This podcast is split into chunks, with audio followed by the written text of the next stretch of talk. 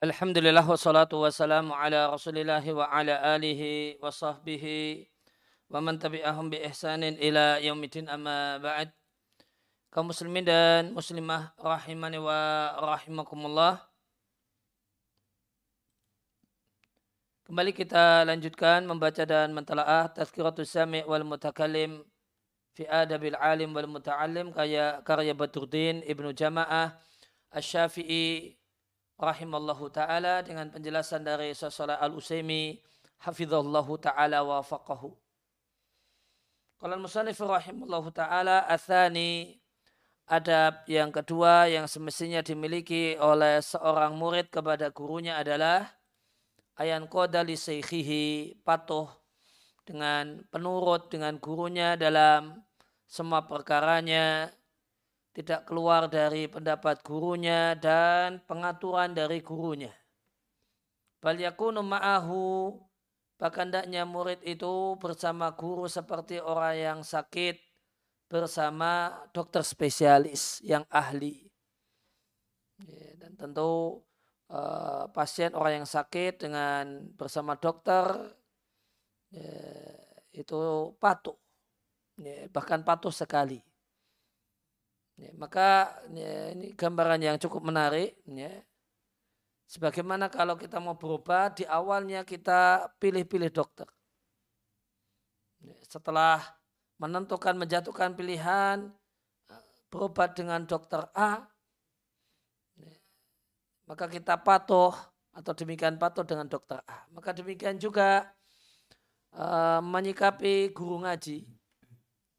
Ada banyak pilihan guru yang ada di tempat kita atau bersama kita. Setelah dijatuhkan pilihan menjadikan si A atau kemudian menjadikan A sebagai guru ngaji, maka e, semestinya patuh dan demikian patuh dengan gurunya. Sehingga fayushawiruhu fima yaksiduhu. E, maka meminta saran kepada guru dalam apa yang dia maksudkan dan berupaya untuk mencari ridho guru uh, fima ya'tamiduhu dalam apa yang akan jadi sandaran. Wa yubalighu fi hurmati. Dan dan maksimal uh, dan berupaya maksimal dalam menghormati guru. Wa yataqarrabu ilallahi dan mendekatkan diri kepada Allah Subhanahu wa taala bi khidmatihi dengan berkhidmat dan memberikan servis dan layanan kepada gurunya. Wa ya'lama dan menyadari dan meyakini bahwasanya anna dhullahu li menghinakan diri dengan guru, sikap merendah seorang murid kepada guru adalah izun adalah kemuliaan. Sifat merendah seorang murid kepada guru adalah satu hal yang tinggi. Wa khudu'ahu lahu fakhun. Dan ketundukan murid kepada guru adalah sebuah kebanggaan. Wa tawadu'ahu lahu rif'atun. Dan ketawaduan eh, ya, seorang murid kepada guru adalah rif'atun, ketinggian dan adalah satu hal adalah sebuah kemuliaan. Wa yukalu dan dikatakan bahasanya Syafi'i radhiyallahu taala anhu sampai utiba ditegur karena demikian ketawaduannya kepada para ulama. Fakal maka uh, Syafi'i kemudian mengatakan Uhini lahum nafsi kuhinakan untuk para ulama guru-guruku diriku. Fahum yukrimunana maka mereka Eh, memuliakan diriku. Walantuk roman nafsul lati la tuhinuha. Dan uh, diri dan jiwa itu tidaklah uh, dimuliakan. La tukramun nafsu tidaklah dimuliakan satu jiwa. Allati la tuhinuha yang tidak uh, yang tidak menghinakan dirinya jadi uhinulahu nafsi maka kuhinakan untuk e, mereka para guruku jiwa diriku. Fahum maka mereka yaitu murid-muridku mereka memuliakan diriku. Tidak akan dimuliakan satu jiwa yang jiwa tersebut tidaklah dihinakan terlebih dahulu.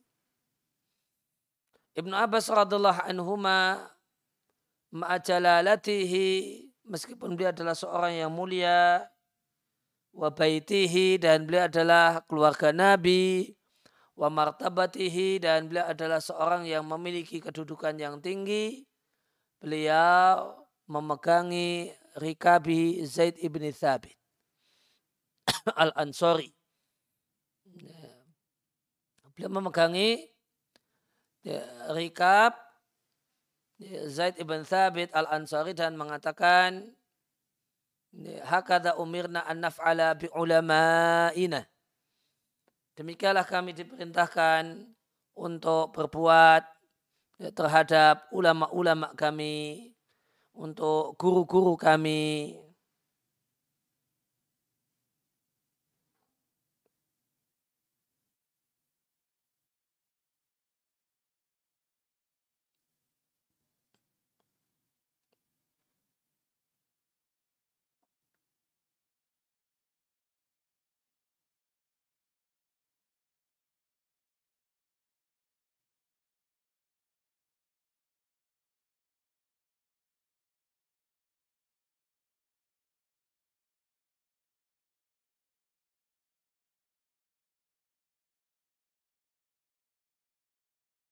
Ya, rikab itu uh, matudau fihi arijelu. Sesuatu yang kaki itu diletakkan padanya untuk melangkah menaiki uh, kuda atau unta.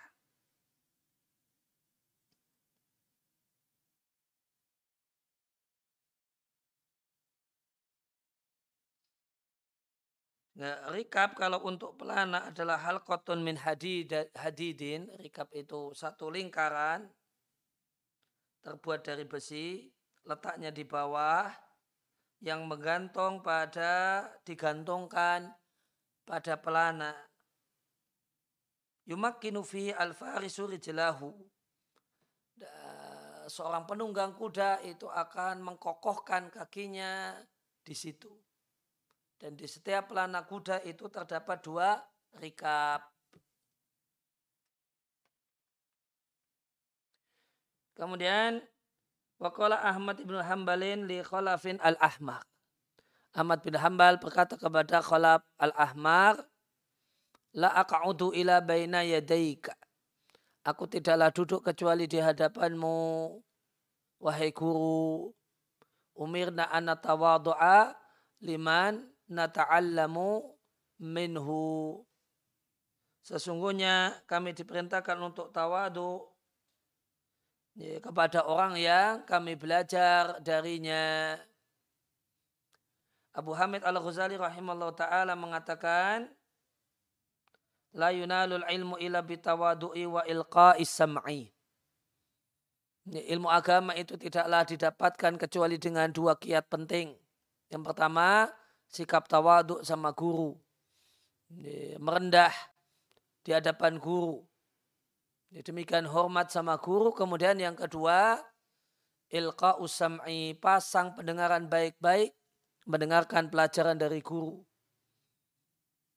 Menyimak pelajaran yang disampaikan oleh guru dengan baik. tidak sambil ngantuk, tidak sambil eh, pikiran jalan ke sana dan kemari, tidak sambil mainan HP dan yang lainnya.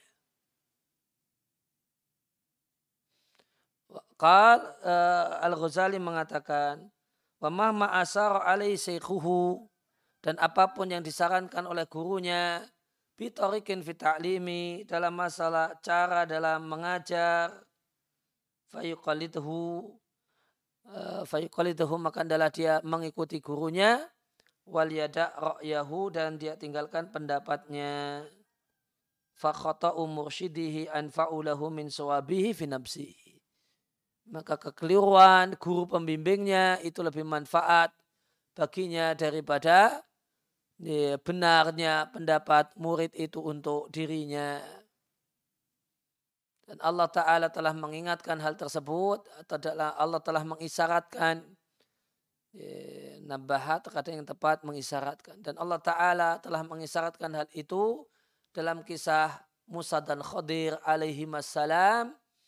Bikaulihi dalam firman Allah Subhanahu wa taala, "Innaka lan tasta'iyya ma'iya sabra." Sehingga engkau tidak akan mampu sabar bersamaku. Hada ma'uluwi qadri Musa. Padahal demikian tinggi kedudukan Musa. Seorang nabi, seorang rasul yang mendapatkan gelar kehormatan Al-Kalimu. Atau uh, di sini Al-Qadri Musa Al-Kalimi. Seorang yang diajak bicara langsung oleh Allah. Bila demikian tinggi kedudukannya dalam kerasulan dan dalam ilmu. Meskipun demikian, hatta sarata ali sukuta guru atau calon guru Khadir mensyaratkan Musa untuk diam. Fakal Khadir mengatakan falatas alni an syai'in hatta uhdisa laka minhu dzikra. Janganlah engkau tanya apa pun yang kau lakukan sampai aku sendiri yang menyebutkannya kepadamu.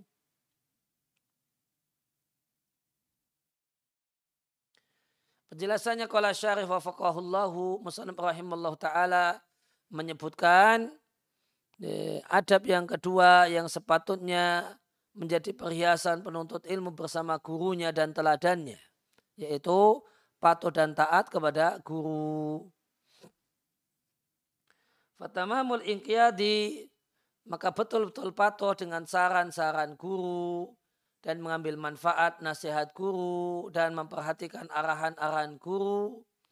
Ini adalah satu hal yang akan menambahkan kepada seorang murid intifaan bisyikhihi. Bisa uh, mengambil maksimal mengambil manfaat dengan gurunya. Oleh karena itu Musanib uh, Badruddin Ibnu Jama'ah uh, hadda memotivasi untuk hal ini sampai-sampai beliau jadikan uh, menjadikan seorang murid itu seperti orang sakit bersama guru spesialis yang mahir karena orang yang sakit itu akan pasrah memasarkan urusannya kepada orang yang dia yakini kemahirannya dalam pengobatan. Wahakada maka demikian sepatutnya seorang murid, seorang siswa, seorang penuntut ilmu itu eh,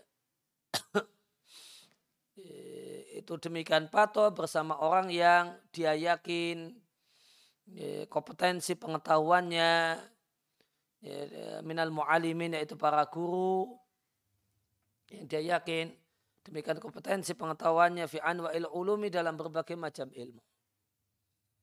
Kemudian Musannif rahimahullah ta'ala membawakan sejumlah kutipan keteladanan salaf dalam tawaduk dengan guru dan para ulama. Jadi ada kutipan dari Asy-Syafi'i yang sampai ditegur orang karena demikian tawaduknya dengan gurunya. Maka beliau mengatakan bahasanya kuhinakan diriku di hadapan guru-guruku sehingga mereka pun memuliakan diriku.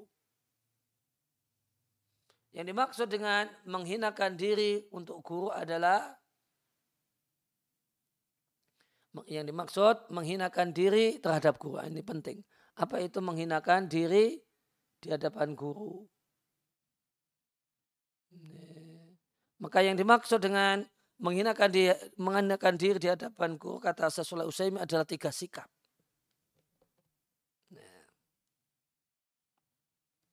Yang pertama, Allah yu'atiba.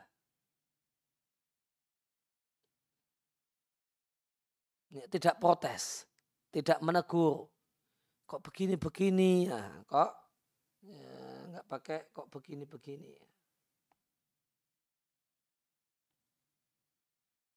Ya, tidak menegur kok begini-begini. Wala yutalibah dan tidak menuntut. Gurunya harus uh, kalau tadi tindakan keputusan guru dipermasalahkan. Kalau ini walayu talibah. Guru belum melakukan apa yang diinginkan, maka dia tuntut gurunya. Guru harus begini, begini, begini. Hmm. Kemudian ya, wala yughaliba fi syai'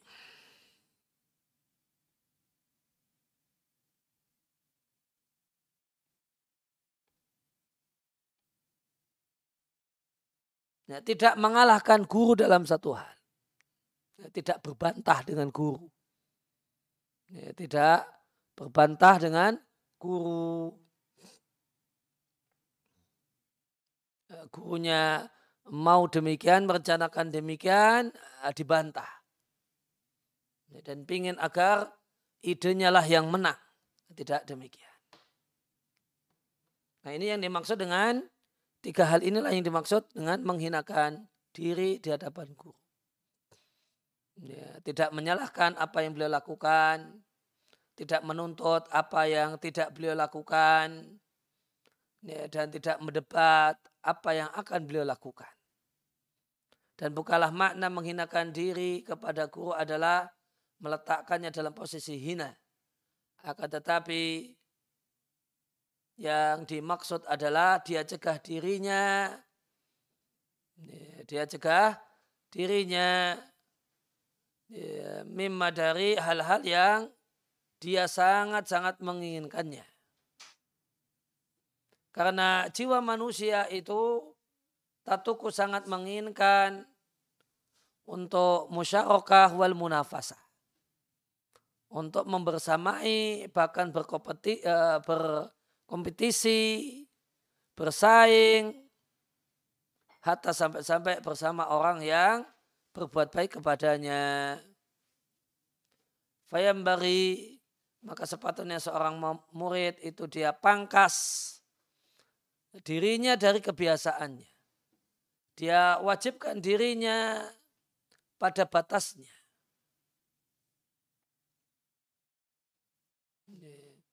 Mimma uh, mimma yambari ayastamilahu yaitu hal-hal yang sepatutnya dia uh, dia gunakan.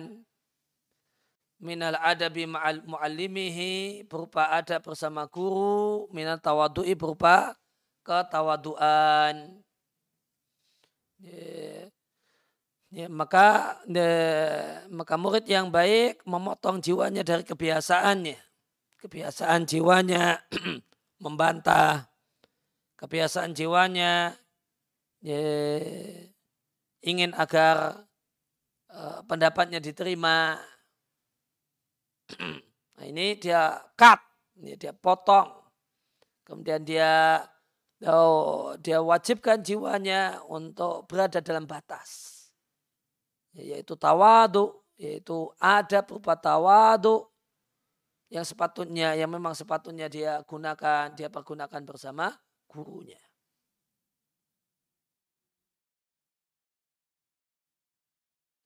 Kemudian Muslim rahimahullah ta'ala juga menyebutkan ya, satu kejadian yang ya, mutafikan bertepatan terjadi antara Ibnu Abbas dengan Zaid ibn Thabit pada saat Ibnu Abbas memegangi Rikab.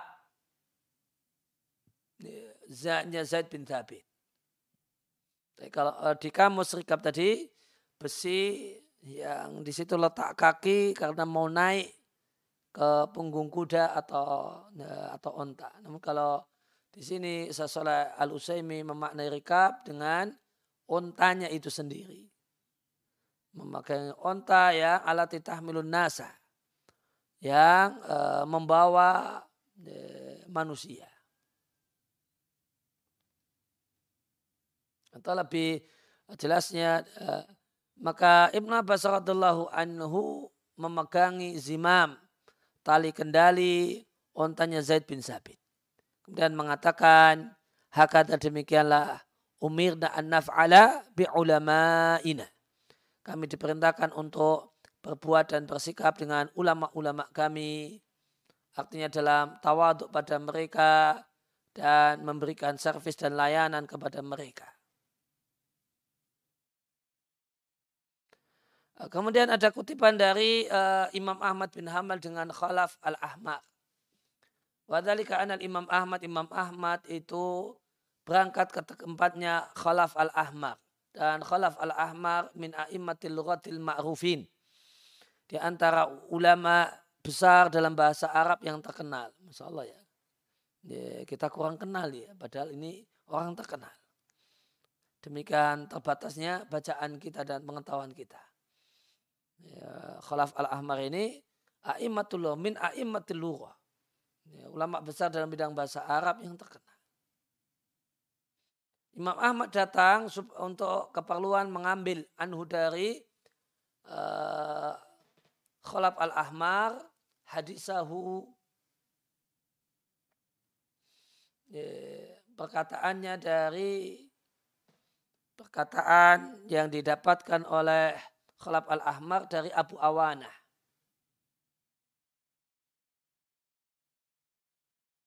fa'aradahu khalaf. Maka khalaf ingin agar Imam Ahmad duduk di hadapannya murtafi'an dalam keadaan duduk yang tinggi. Ya, mungkin duduk yang uh, di kursi misalnya. Uh, maka Imam Ahmad enggan dan menolak dan mengatakan ya, tidak aku tidak mau duduk kecuali di hadapanmu bersimpuh di hadapanmu kama kami diperintahkan untuk tawaduk dengan orang-orang yang kami belajar ilmu darinya. Eh,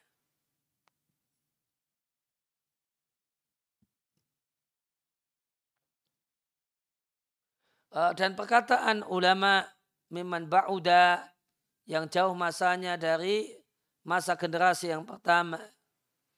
Masa pertama-pertama Islam. Umirna kami diperintahkan maka maknanya adalah majad bil adillatu syar'iyatu yang terdapat dalam dalil-dalil syar'i. Sehingga maksud dan makna perkataan Imam Ahmad adalah kami diperintahkan dalam syariat untuk tawaduk kepada orang yang kami belajar ilmu darinya. Kemudian eh, ada kutipan perkataan Al-Ghazali, Asy-Syafi'i rahimallahu taala ilmu tidaklah didapatkan kecuali dengan dua hal tawaduk dan pasang pendengaran baik-baik. Yang dimaksud dengan ilka'u sam'i adalah izra'uhu. Mendengarkan eh, baik-baik sehingga ini memuat ala jam'il qalbi. Mengumpulkan hati. Fa'ina subukul masmu'i ya, maka terdengarnya hal yang bisa didengar, terdengar ke telinga, yang itu muktasir, terbatas pada faham apa yang disampaikan, itu bukan yang dimaksudkan. Wa innamal muradu namun yang dimaksudkan adalah sam'un mendengar yang bergandeng dengan jam'ul qalbi, fokusnya hati pada apa yang disampaikan. Nah, intinya ilka usam'i pasang pendengaran baik-baik itu bukan hanya mendengar, namun mendengar dalam keadaan hati fokus dengan apa yang didengar. Kemudian tadi disampaikan oleh Al-Ghazali kesalahan guru pembimbing itu lebih manfaat bagi seorang murid daripada uh, benarnya dalam untuk dirinya. Karena guru pembimbingnya itu lahu minal khibrati memiliki pengetahuan dan pengetahuan salahu yang tidak dia miliki. Maka boleh jadi ya, nampak dalam pandangan seorang murid, bimbingan, guru pembimbingnya itu keliru. Akan tetapi jika dia ambil arahan gurunya, watamadat bihil ayamu, lantas Berlalulah eh, hari demi hari, maka akan jelas baginya. Dia akan tahu bahasanya uh, arahan yang disampaikan oleh guru pembimbingnya itulah yang benar. Kemudian Uh, penulis kemudian penulis uh, menyebutkan bahasanya adab ini sudah diisyaratkan dalam Al-Quran dalam kisah Musa dan Khadir. Ya, karena Khadir berkata kepada Musa yang ingin berguru kepada Khadir, engkau tidak akan mampu sabar bersamaku. Demikian dikatakan padahal demikian tinggi kedudukan Musa alaihi salatu wassalam. Bahkan sampai uh, Khadir mensyaratkan Musa untuk diam. Dan sallama lahu Musa bidalika. Musa pun menerima ketentuan ini dan mengambil manfaat darinya. Sebagaimana yang Allah kisahkan untuk kita dalam kitabnya.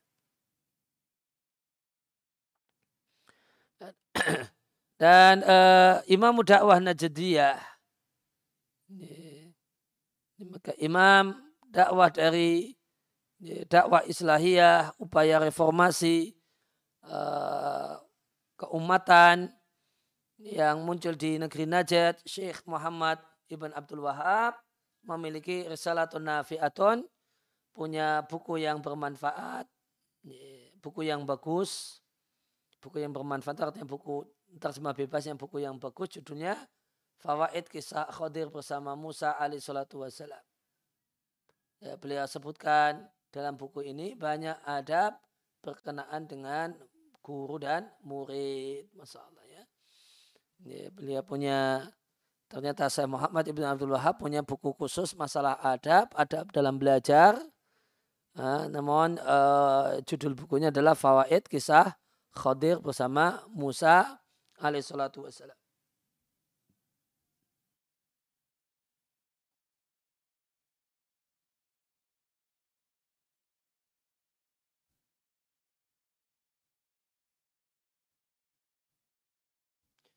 Kemudian kita tambahkan dengan matan.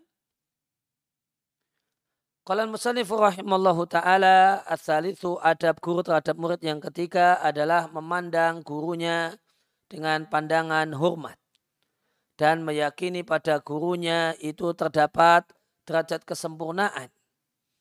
Dia yakini gurunya adalah seorang yang betul-betul kompeten dalam bidangnya. Karena hal tersebut itu akan lebih memudahkan seorang murid untuk uh, mendapatkan manfaat dengan gurunya. Wakana ba'du salafi dan adalah eh, salah satu ulama salaf idza dhahaba ila syaikhihi jika pergi ke rumah gurunya untuk belajar dan ngaji tasaddaqa bi syai'in. Maka di jalan bersedekah dengan sesuatu setelah itu berdoa Allah mastur aiba syekhi anni wala tudhib barakata ilmihi minni. Ini, ini satu doa dan satu prinsip yang uh, sangat bagus dipegangi oleh seorang penuntut ilmu. Ya Allah, tutuplah kejelekan guruku dariku dan janganlah engkau hilangkan keberkahan ilmu guruku dariku.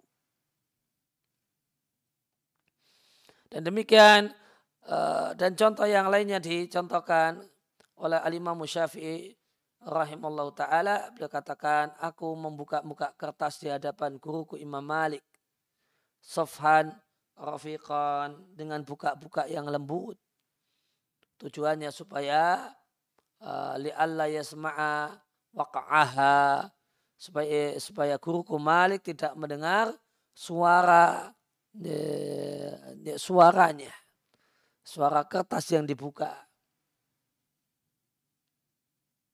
Uh, Rabi ibn Sulaiman al-Muradi, muridnya Imam Syafi'i mengatakan, Wallahi demi Allah, aku tidak berani minum air, minum teh,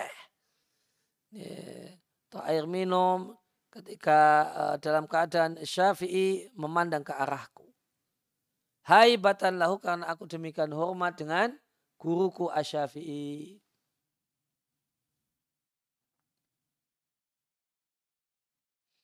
Eh, salah satu anak Khalifah Al-Mahdi hadir di majelis pengajiannya Syarik, mungkin Syarik Al-Qadi. Dan salah satu anak Khalifah ini bersandaran pada tembok. Sambil sandaran uh, sambil bersandar dengan tembok, dia bertanya tentang satu hadis. maka syarik tidak mau menoleh ke arahnya. Uh, anak khalifah tadi mengulangi pertanyaannya dan syarik pun mengulangi sikap yang sama.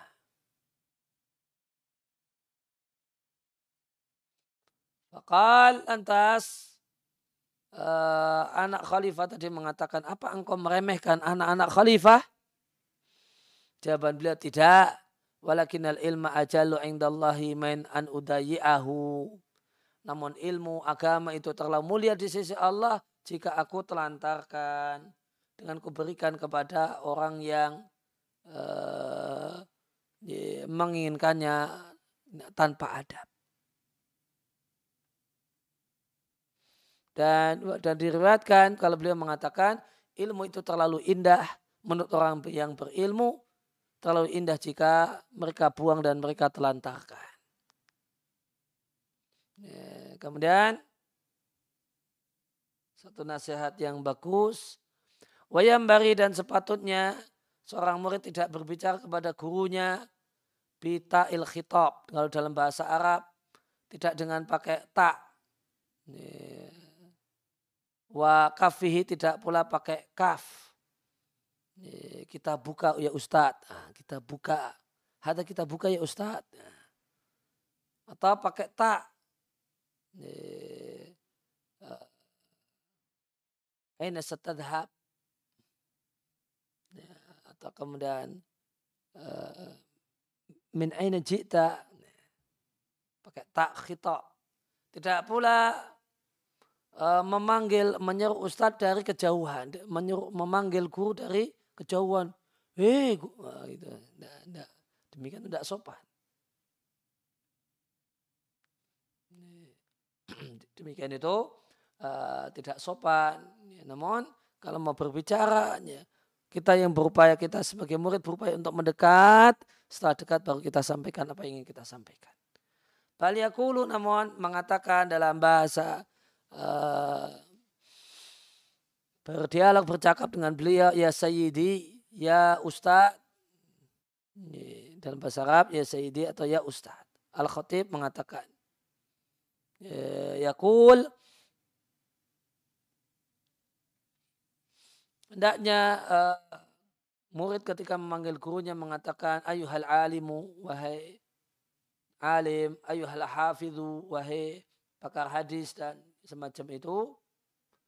Wa ma taquluna fi kada. Nah ini karena tidak boleh pakai apa tak khitab yang maknanya anta maka kalau untuk guru pakai bentuk jamak mata kuluna fi kada apa yang engkau katakan tentang kasus ini?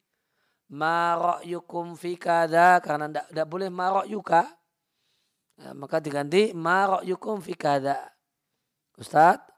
Ma yukum apa pendapat tentang masalah ini dan ini dan semacam itu. Kemudian wala yusamihi seorang murid yang baik tidaklah menyebut namanya fi ghaibatihi di belakang gurunya dengan sekedar nama. Ilam makrunan.